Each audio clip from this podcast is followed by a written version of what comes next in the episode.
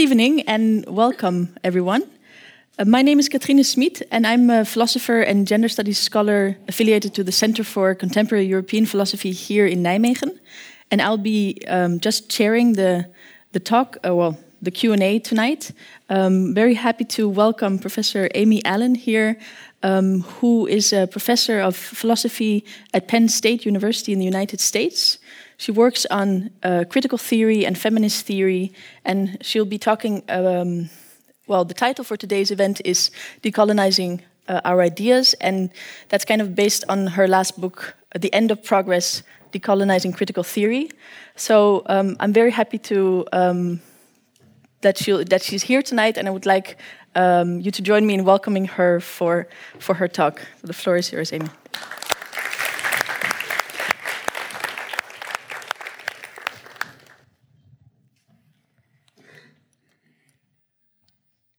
Wow, this is a, such an impressive room. I feel a little overwhelmed. Um, so, thank you, Katrina, for the introduction. And I also want to thank um, Anya Topolsky and um, her colleagues here for the invitation um, to present this lecture tonight.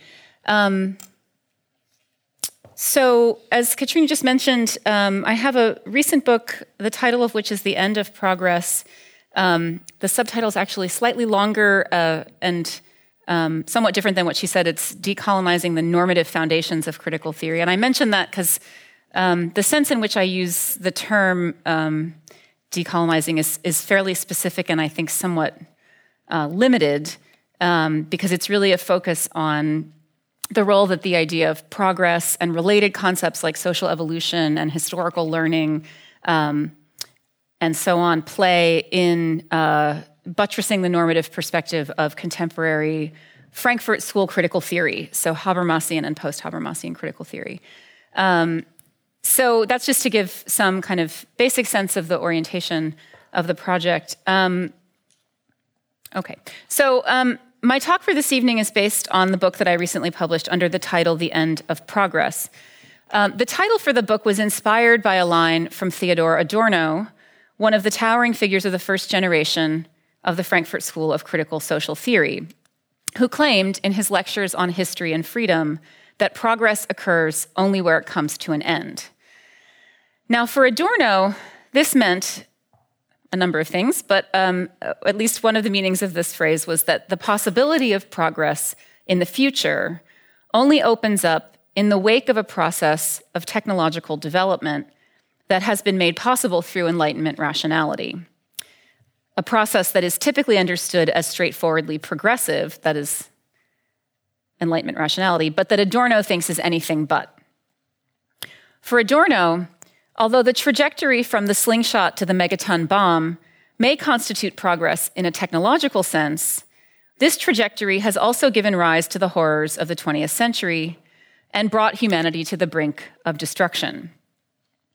And yet, perhaps paradoxically, that very same process, which we should, on his view, at least now hesitate to call progress, has at the same time created the technological conditions under which we could now, for the first time, imagine alleviating material suffering and want on a global scale.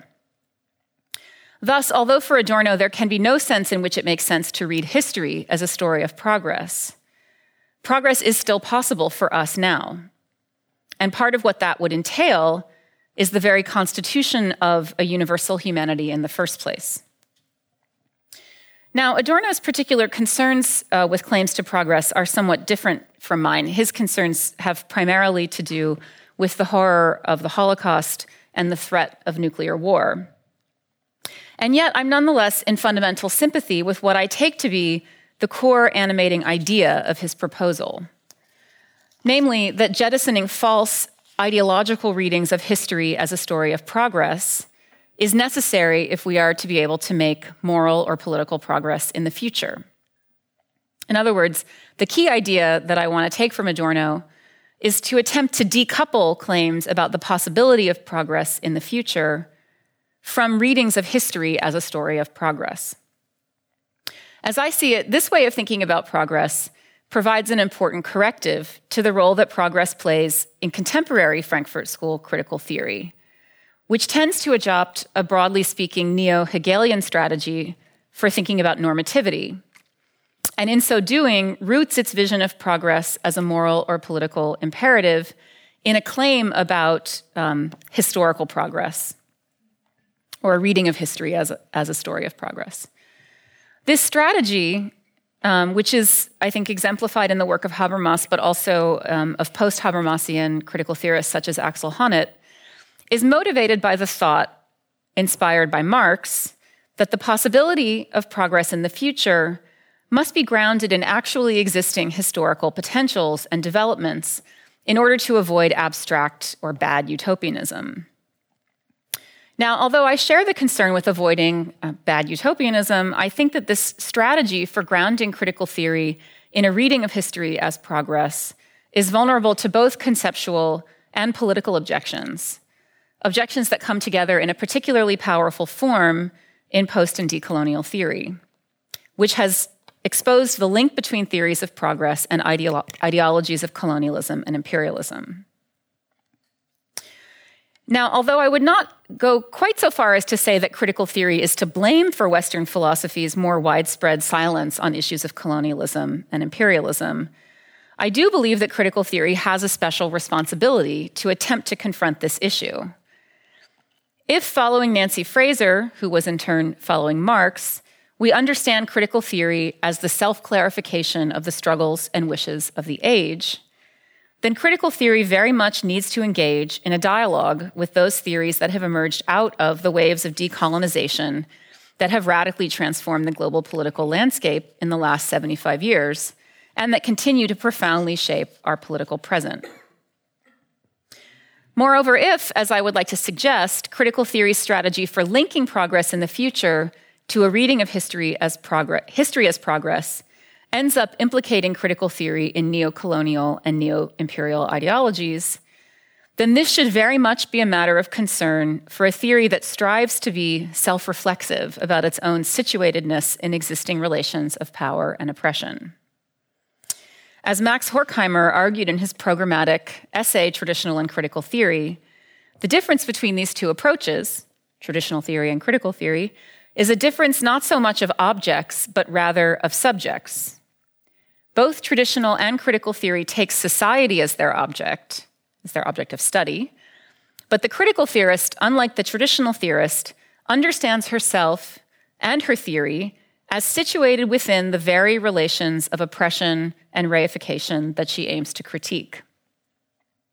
Thus, critical theory, at its, in its very methodology, one might say, or in its very structure, puts the subject position of the critic at stake. So, if critical theory aims to criticize not only capitalism, which was, of course, Horkheimer's primary focus, but also all of those relations of oppression that are salient in contemporary societies such as ours, then this must include a self reflexive understanding of our own situatedness in relation to the ongoing legacies of colonialism and imperialism. So, I hope these opening remarks give you some idea about the motivation for the book or why I wrote it. Um, for the remainder of my talk, I'd like to say a bit more about the concept of progress, what it does and doesn't mean, what role the idea of historical progress plays in contemporary critical theory, and why that role is problematic. Um, and toward the end of the talk, I'll spend a little bit of time sketching out an alternative way of thinking about the relationship between history and normativity that does not rely on the notion of progress, even as it seeks to hold open the possibility of progress in the future. Okay. So let me start with the concept of progress. One can talk about progress with respect to many different goals or benchmarks. Given any particular goal or aim that I might have, I can understand myself as getting closer to or further away from attaining it. In that sense, I can talk about making progress in my training for a marathon or in finishing my book manuscript um, and all that I need to make sense of such claims is a clear sense of the standard by means of which progress is being measured. Now, the traditional discourse of historical progress, as it emerged in the European Enlightenment tradition, tended to make a much broader claim about the overall advancement of humankind from some primitive or barbaric condition to a more developed advanced, enlightened, or civilized state. As the German intellectual historian Reinhard Koselleck reminds us, the term progress, as it was used in the Enlightenment tradition, quote, neatly and deftly brought the manifold of scientific, technological, and industrial meanings of progress, and finally also those meanings involving social morality and even the totality of history under a common concept, end quote. So, traditional notions of progress, historical progress, thus depend on a robust metaphysical idea of the totality of history, and at least posit a point of view from which this totality can be comprehended. So, I'd like to make it clear from the outset that my critique of progress does not in any way concern the concept of progress per se. Um, my point is not that the concept itself is problematic, nor do I claim that there are no local or specific instances of progress. Thus, it wouldn't really be an objection to my argument to point out that there has been progress in some specific domain or another. Once one has established a normative benchmark or standard, as I already said, it seems to me it's relatively straightforward to make a case for local or specific instances of either progress or regress. And in that sense, um, that very abstract sense, I have no objection to the concept of progress. Rather, the critique is aimed at the much broader and more ambitious claim that history can be understood as a progressive development from some so called primitive or barbaric condition to a more developed, rational, enlightened, or civilized state. So, to preview the argument that I want to develop in the rest of the talk, it's this idea, or at least a recognizable vestige of this idea, that continues to play a crucial, if often unacknowledged, role in grounding the normative perspective of contemporary critical theory. And it's also this idea that is deeply entangled with the ideologies of colonialism and imperialism.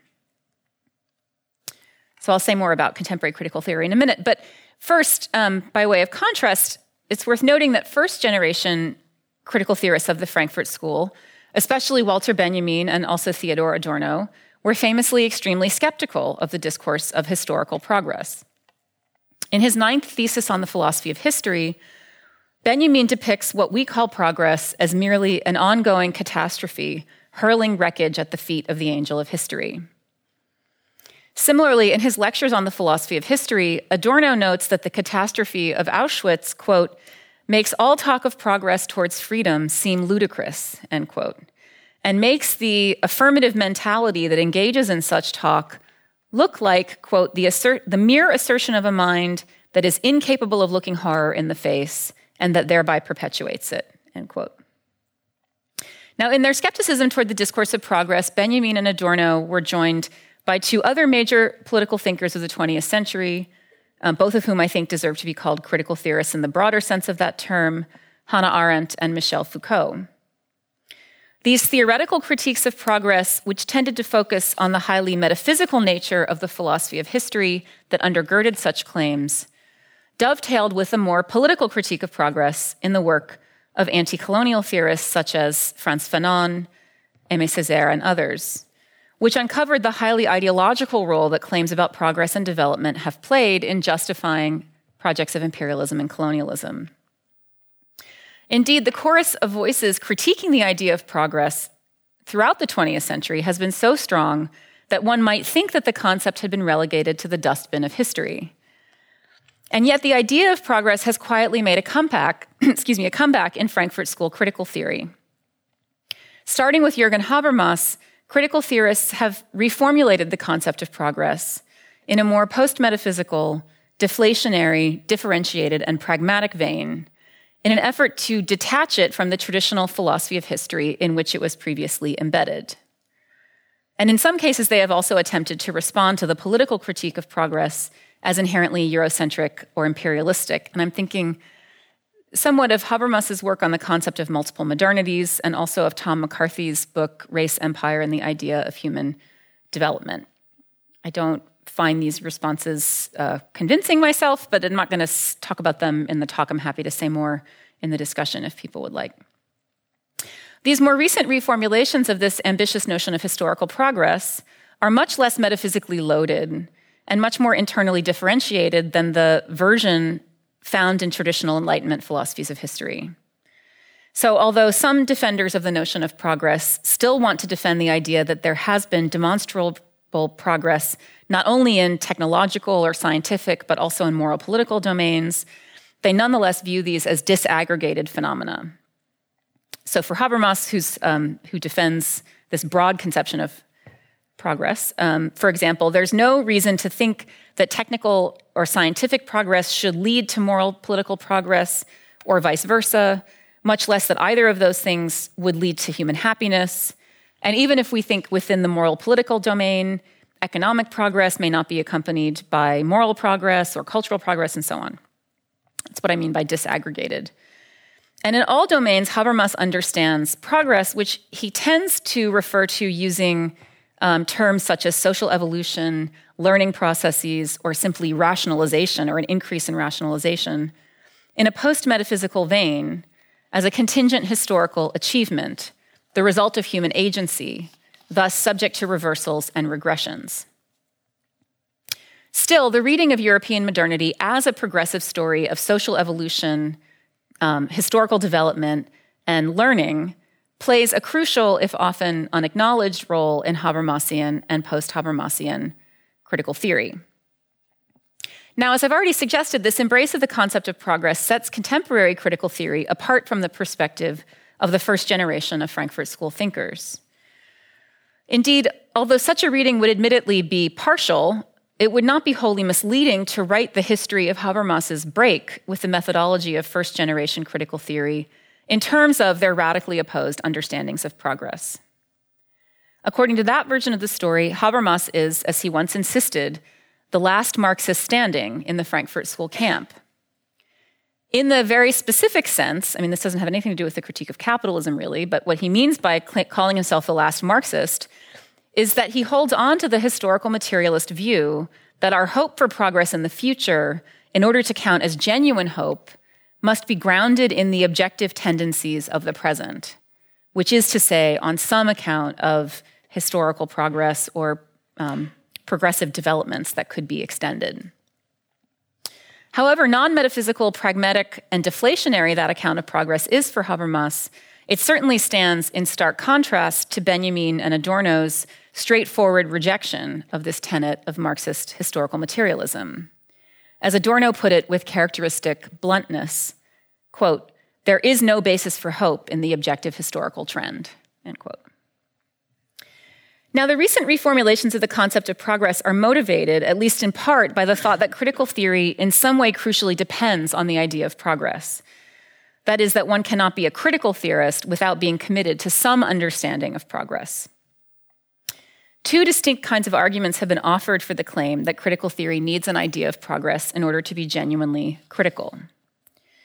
The first argument is that we need the idea of progress towards some goal, in order to give us something to strive for politically, in order to make our politics genuinely progressive.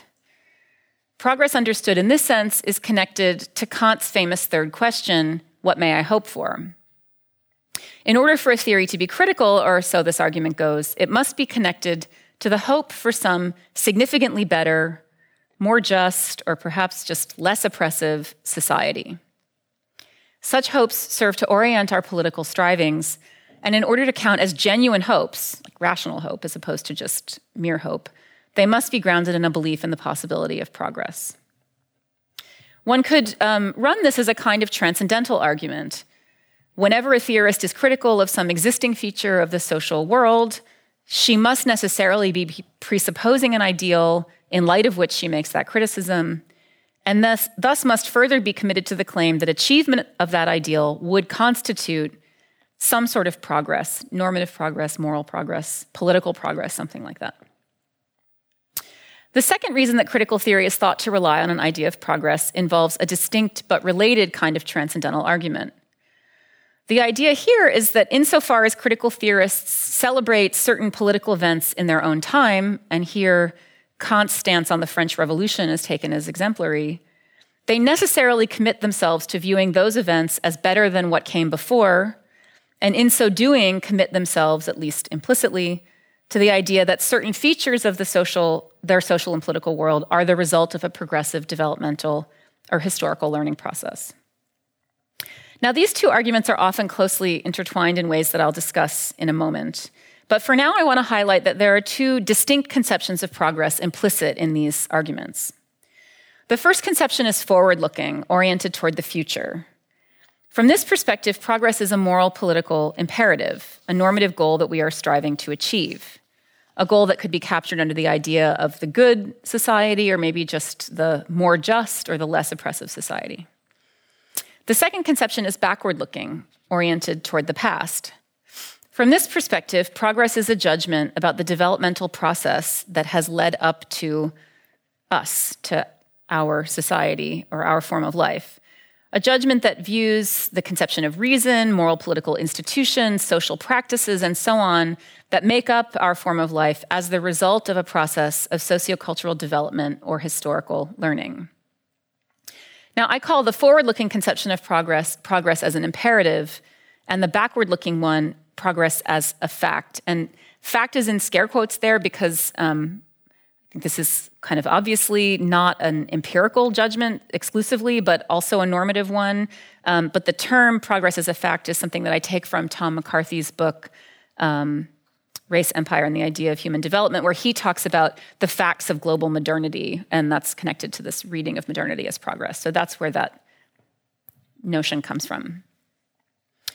Both of these conceptions of progress, both the forward looking and the backward looking one, are obviously deeply bound up with claims about the possibility of articulating standards or principles or criteria that might enable trans historical normative judgments. And in that sense, these two conceptions of progress do converge. Um, nevertheless, I'm going to try to pull them apart with the help of Adorno. Uh, moreover, both of the arguments for why critical theory needs a conception of progress focus on the possibility of a specific kind of progress, um, namely what I'm calling moral political progress or normative progress, rather than on technical scientific progress or progress overall. Um, so my focus then is going to be on this um, rather restricted notion of, notion of progress, moral political progress or normative progress. And I think we could have a whole conversation about to what extent those two, uh, that conception of progress can be separated from technological or scientific progress. I think that's a very complicated question, but I'm going to set aside questions of technological or scientific progress for the remainder of the talk. Okay. So I'm moving on to a section of the talk where I focus on um, the role that this idea of these ideas of progress play in um, in uh, undergirding the normative perspective of contemporary critical theory. So, in much work in recent critical theory, what I'm calling the backward looking conception of progress as a fact plays a crucial, if often unacknowledged, role in grounding the normative perspective or standards of critical theory, and thus in justifying notions of progress as an imperative or the forward looking conception. As I see it, this follows more or less directly from um, the combination of two commitments um, first, a commitment to the idea that the normative principles that enable critical theory to engage in a critique of contemporary society must be grounded immanently, that is, within the very same social world that is also the target of critique. And second, a commitment to, desi- a commitment to the desire to avoid the slide into relativism. So these two commitments are, I think it's fair to say, in some tension with one another inasmuch as the resolution to ground the normative perspective of critical theory within the existing social world perhaps inevitably raises worries about conventionalism or some form of cultural relativism, maybe. Um, after all, if our normative or critical principles or framework are grounded immanently within the existing social world, then how can we claim that those principles or that framework is anything other than how we happen to do things around here? So, the broadly um, speaking, um, what I would call left Hegelian strategy of grounding our normative or critical principles or framework in a progressive reading of historical or social development or evolution, favored by Jürgen Habermas and also by Axel Honneth, constitutes an attempt to resolve this tension. The basic idea is that the normative principles that we find within our existing social world um, as they would say, as inheritors of the project of European Enlightenment or the legacy of European modernity, which has certain, a certain conception of rational autonomy, as Habermas might say, or social freedom, as Honneth might say, at its core, these principles are themselves justified, at least in part, insofar as they can be understood as the outcome of a process of progressive social evolution or historical learning. Thus, this conception of historical progress enables critical theory to understand its normative standards as grounded in the existing social world without being merely contingent or arbitrary. Um, okay, rather, those standards are justified as they can be reconstructed as the result of a process of historical development or social evolution. Um, okay, but if critical theory's immanent grounding of normative principles within the social world ultimately rests on a claim about social evolution or sociocultural learning processes, then this means that the normative standards that enable us to envision a good or more just society, so for Habermas, that would be something like the discourse principle, um, and for Honneth, something like the idea of social freedom, these ideas are themselves justified in as much as they are outcome, the outcome of a process of sociocultural development or learning. Um, okay.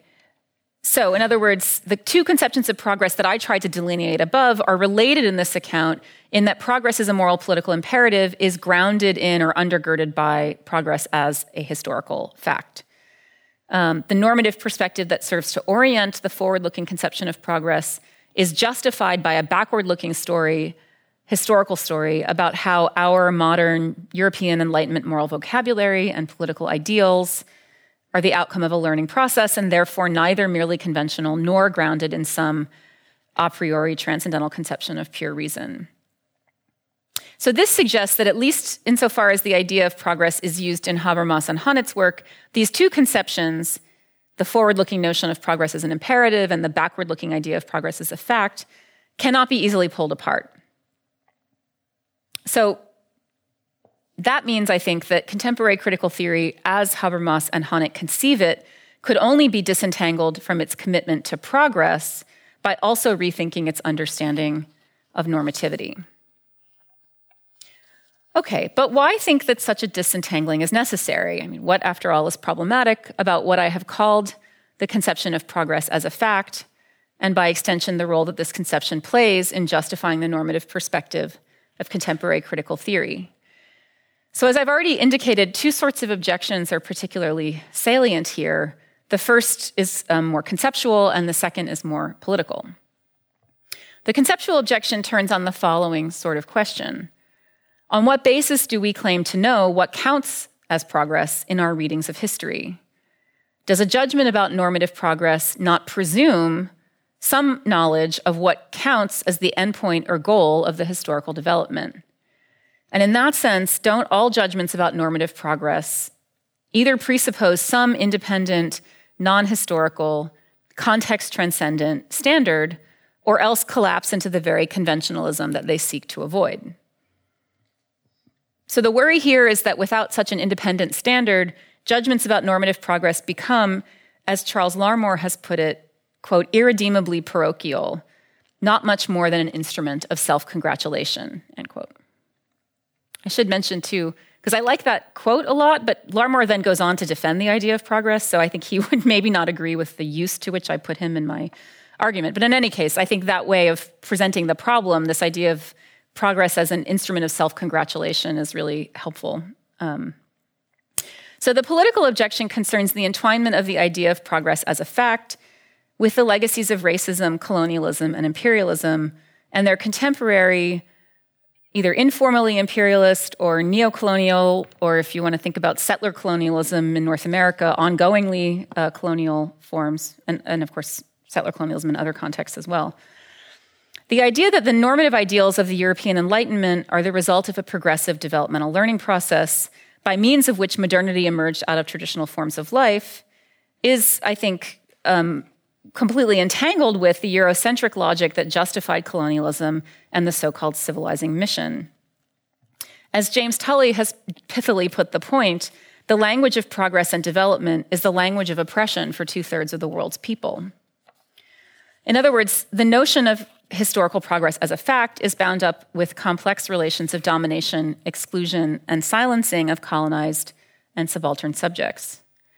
So here I want to note once again that the objection here is not so much, at least as I as I want to take it up, to the concept of progress per se, but much more specifically to the claim that history can be read as a story of progress leading from some less developed, less rational, pre modern state to the more civilized, rational, and developed state of European Enlightenment.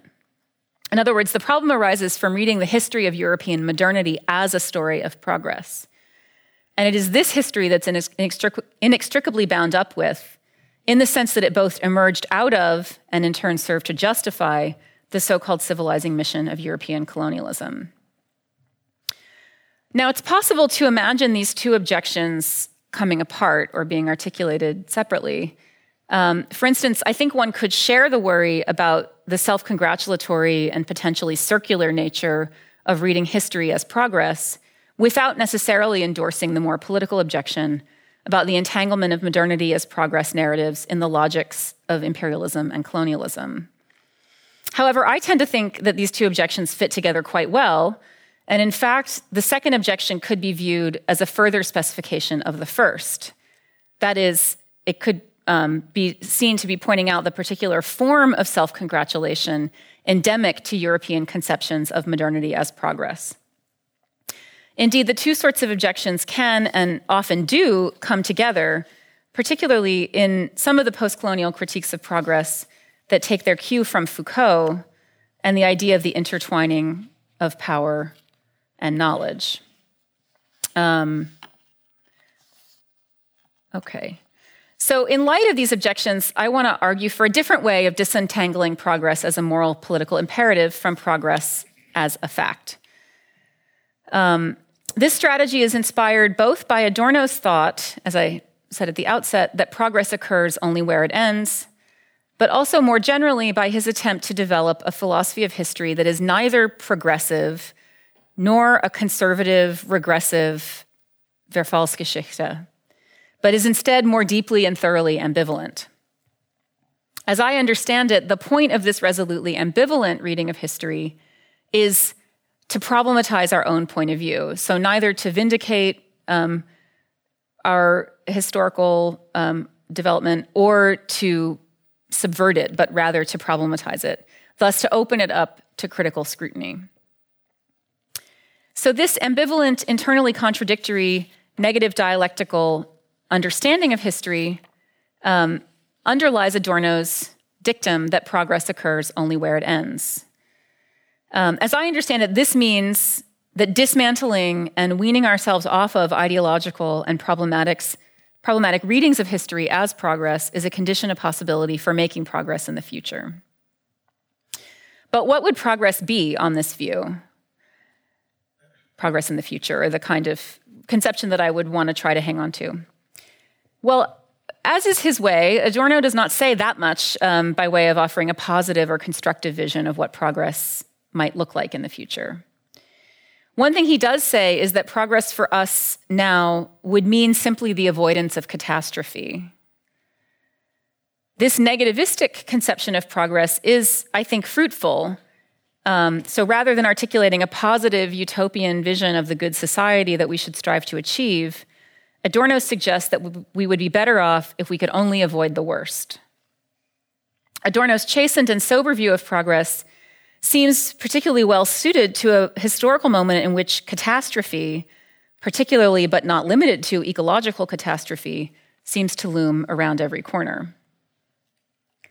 And yet, this isn't all that Adorno says about what, what progress in the future might look like. Um, although he claims that we have no basis for claiming that there has been progress up to now, he insists, and this is something that sets him apart from Benjamin, that we can and indeed must continue to hope for the possibility of progress in the future. Indeed, to give up on this hope is to wallow in a pessimistic despair that Adorno associates with conservatism and ultimately on his reading with Heidegger, although his reading of Heidegger is very tendentious. For Adorno to say something like, because there has been no progress up to now, there will be none in the future, is a fallacy that, as he says, quote, elevates historical despair into a norm that must be adhered to, and thereby takes up sides with everything that is dreadful, end quote. For Adorno, progress refers to the notion of a fulfilled humanity. And at least one reason that there has been no progress up to now is that the concept of universal hum- humanity has thus far not been realized. Tragically, gone unrealized, you might say. As he puts it, quote, no progress may be supposed that implies that humanity already existed and could therefore be assumed to continue to progress. Rather, progress would be the establishment of humanity in the first place. Um, so, two different kind of glimpses at what progress might mean. One is that it's the avoidance of catastrophe, and the other is that it's something like the establishment of a humanity that has up to now not yet existed. Now, again, um, although it's clear that Adorno does not root his claim that humanity has not yet begun to exist in a historical analysis of colonial racism, I mean, that's a serious lacuna in Adorno's thought, to be sure. I think um, that his call for the development of a universal humanity nonetheless resonates quite strongly with Achille Mbembe's call for the establishment of a politics of humanity in the wake of his critique of colonialism's dehumanizing logics in his recent book, Critique of Black Reason. And this is the thought that I'll end with. So Mbembe calls for a reimagining of the politics of universality, of humanity, and of the in common that is nonetheless grounded in a deep and deeply historical understanding of difference, of singularity, and of plurality, and um, of the history of domination, colonial and colonial domination and slavery. As he puts it, quote, what we must imagine is a politics of humanity that is fundamentally a politics of the similar, but in a context in which what we all share from the beginning is difference. It is our differences that paradoxically we must share, end quote. As I see it, Mbembe and Adorno can both be understood as holding on to the idea of progress as a forward looking imperative, a plea for justice, of humanity, and the project of the universal, that is nevertheless grounded in a sober reading of history that takes extremely seriously the ways in which the narrative of historical progress has been thoroughly entangled with the logic of colonial and imperial domination. Thank you.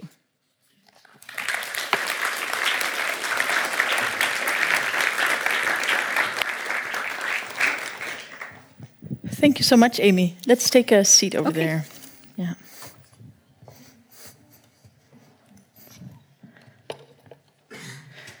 So, um, now we have time for a discussion, and I will start with asking uh, maybe two questions uh, mm -hmm. to Amy, and then I will open it up to the audience. And when we do that, I think it would be very good to also have some uh, light in the audience. Yeah. So that's it's uh, hard to see people. Also because yeah, we can we cannot see anyone now. Um, yeah, first of all, I want to really thank you for this um, very rich talk. You yeah, you gave us a lot, I think. Um, but to start to, to, start the discussion, maybe it would be good um, also for this public lecture to say a little bit about um, the contours of, of, critical theory as mm -hmm. a mm-hmm. as a discipline, because I think you spoke um, about critical theory in a narrow sense, but also maybe in a more expansive sense, mm -hmm. and a mm-hmm. kind of uh, critical theory that has um, that that is an inheritor of of enlightenment. So so what exactly is this critical theory? Um, you also, I think, made a, a, distinction between critical theory and traditional theory. And what mm -hmm. is mm-hmm. what is that distinction for you? Mm -hmm. Well, uh, maybe I'll start with the first question. Um, so, I mean, Max Horkheimer, in his, he had this programmatic essay that I think many people take to be one of the um, kind of seminal programmatic essays for critical social theory um, with the title Critical and Traditional, Traditional and Critical Theory, sorry. Mm. Um, and so, so Horkheimer introduces that distinction. Um, I mean, critical theory for him is is a sort of variant of Marxism, um, but it's a version of Marxism that attempts to um, offer a critique of um, Western, modern Western capitalist societies um, that pays attention not only to their economic structure, but also to social institutions and cultural forms and so on. So, one kind of way in which critical theory is different from traditional theory is in its kind of perspective or take on contemporary society. I mean, it, it mm. thinks, it, you know, on the classical Marxist version, it thinks modern society is capitalist and therefore alienating and reifying and also oppressive, um, and is something that should be critiqued and resisted and, you know, transformed. Um, so part of it has to do with the kind of critical orientation toward society part of it has also to do with methodology. Mm. So um, I mentioned this quote, which I think is quite nice, where Horkheimer says critical theory is a difference primarily not of objects but of subjects. Um, so you can. So he's he's responding to traditional theories. I mean, I think he has in mind um, actually primarily more like traditional social science um, that um, that in a sort of positivistic way um, seeks to understand but not to take up a critical perspective on existing society. Mm. Um, so, um,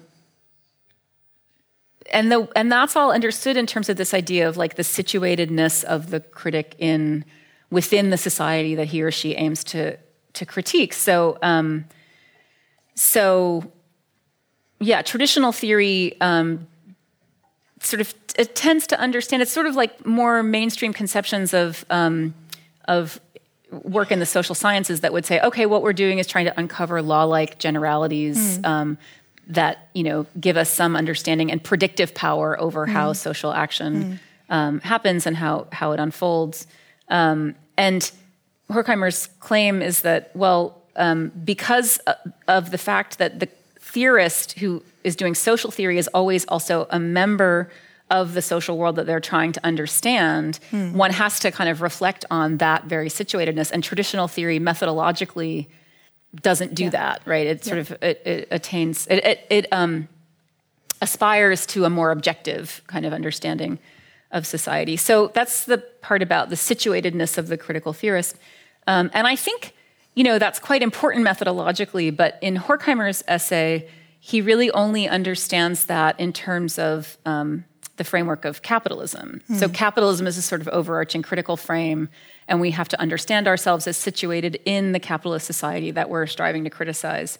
And I think, you know, one of the things I've been interested in in my work is to think very carefully about that idea of situatedness, but in a much more complicated and intersectional understanding mm. of mm. Uh, power and oppression, mm. right? So it's not just capitalism, but it's also um, its relations of gender oppression and racial oppression and um, heteronormativity and so on that are all structuring the social world that that we aim to critique. And so we have to be kind of reflexive about our positioning in that whole yeah. complicated intersectional structure of power um, if we're going to follow the methodological imperative that Horkheimer lays mm-hmm. down. Mm-hmm. Mm-hmm. Um, so that's what I would say about traditional and critical theory. I mean, in terms of critical theory and like meanings of that term, yeah. So um, I mean, there are narrower and wider ways of using that term, certainly. Um, so often, sometimes people will use it just to refer to the Frankfurt School tradition. Mm. I mean, it's it's not a term that the Frankfurt School tradition owns by any means,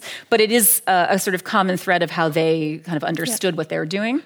Um, and I guess in terms of my own, um, the way I would place myself in relationship to the term, I would say I'm uh, sort of coming out of that tradition of critical social theory in the Frankfurt sense, but part of the impulse of this project, um, in particular, this book in particular, has been to try to open up a conversation between that tradition of critical social theory and a kind of broader, more capacious sense of critical theories, in which I would include a lot of work in feminist and gender studies and queer theory and post and decolonial theory. I mean, I think those are also critical yeah. theories that yeah. share the same impulse of critiquing existing society, also cultural forms. I mean, there's different ways of going about it. Um, and I have not so much been in conversation with the Frankfurt School yeah. project. And I guess part of my part of the reason for that, I think, at least this is one of the thoughts that motivated this book project, is that that the idea of progress and the role that it plays in contemporary Frankfurt School critical theory has been a real stumbling block to mm. those mm. conversations mm. because mm. that concept has been so thoroughly um, and I think rightly criticized, um, primarily in post and decolonial theory, but also in a lot of work in feminist and queer theory that is yeah. inspired by that body of work. Yeah. Yeah, because um, when you gave that definition of critical theory um, as critiquing society and as taking mm -hmm. the reflexivity of the um, of the critic in that, um, that kind of definition could also apply to feminist theory or queer theory or yes. post-colonial theory, right? Yes. But you're also saying they they are not so much in dialogue with each other yet somehow, or there is a a bridging to happen there.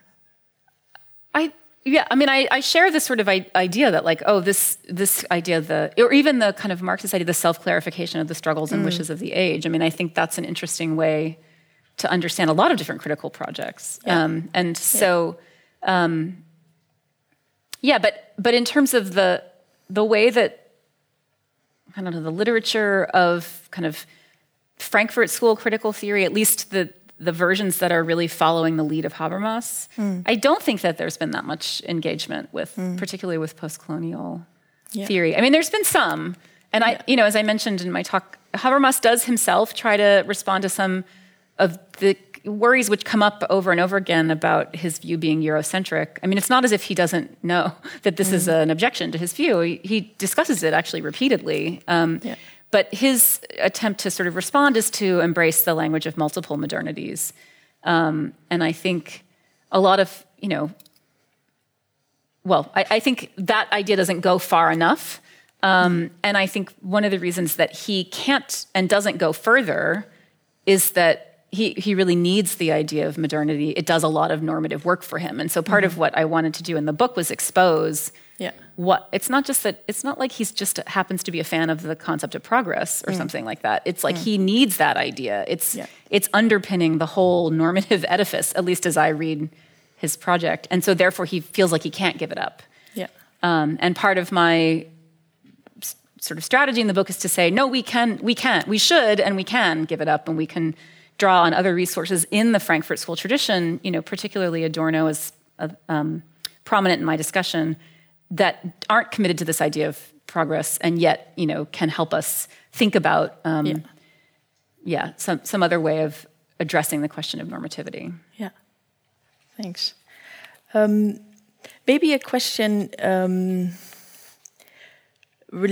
well maybe a question about um, how does this project of um, thinking critically about progress within critical theory and within um, Western philosophy, how does it relate to um, to societal or political concerns, mm -hmm. right? Because you use this term decolonizing, mm -hmm. these normative foundations of critical theory. And of course, decolonization is also uh, a term um, coming from political struggles uh, mm -hmm. around settler colonialism and all these mm-hmm. inheritances of colonialism. So, how do you see the relation between uh, this intellectual project mm-hmm. and um, yeah, political project or mm-hmm. social projects of um, well, I mean, I think, and this is um, why I mentioned at the beginning of the talk, you know, the the kind of restricted, narrow sense in which I use the term um, decolonizing in the book. I mean, because it is. Um, it is pretty abstract, and it's in other words, it's focusing on um, the trying to um, uncover and then uh, and expose and then move beyond the role that the idea of progress plays in securing the normative foundations of critical theory. So it's it's not actually you know a, as ambitious of a project as like attempting to decolonize critical theory mm. per se or something like that, or mm. to develop a decolonial critical theory. I mean, not because I don't think either of those projects would be good or valuable things to do, but just because mm. my focus is really much more uh, narrow and limited.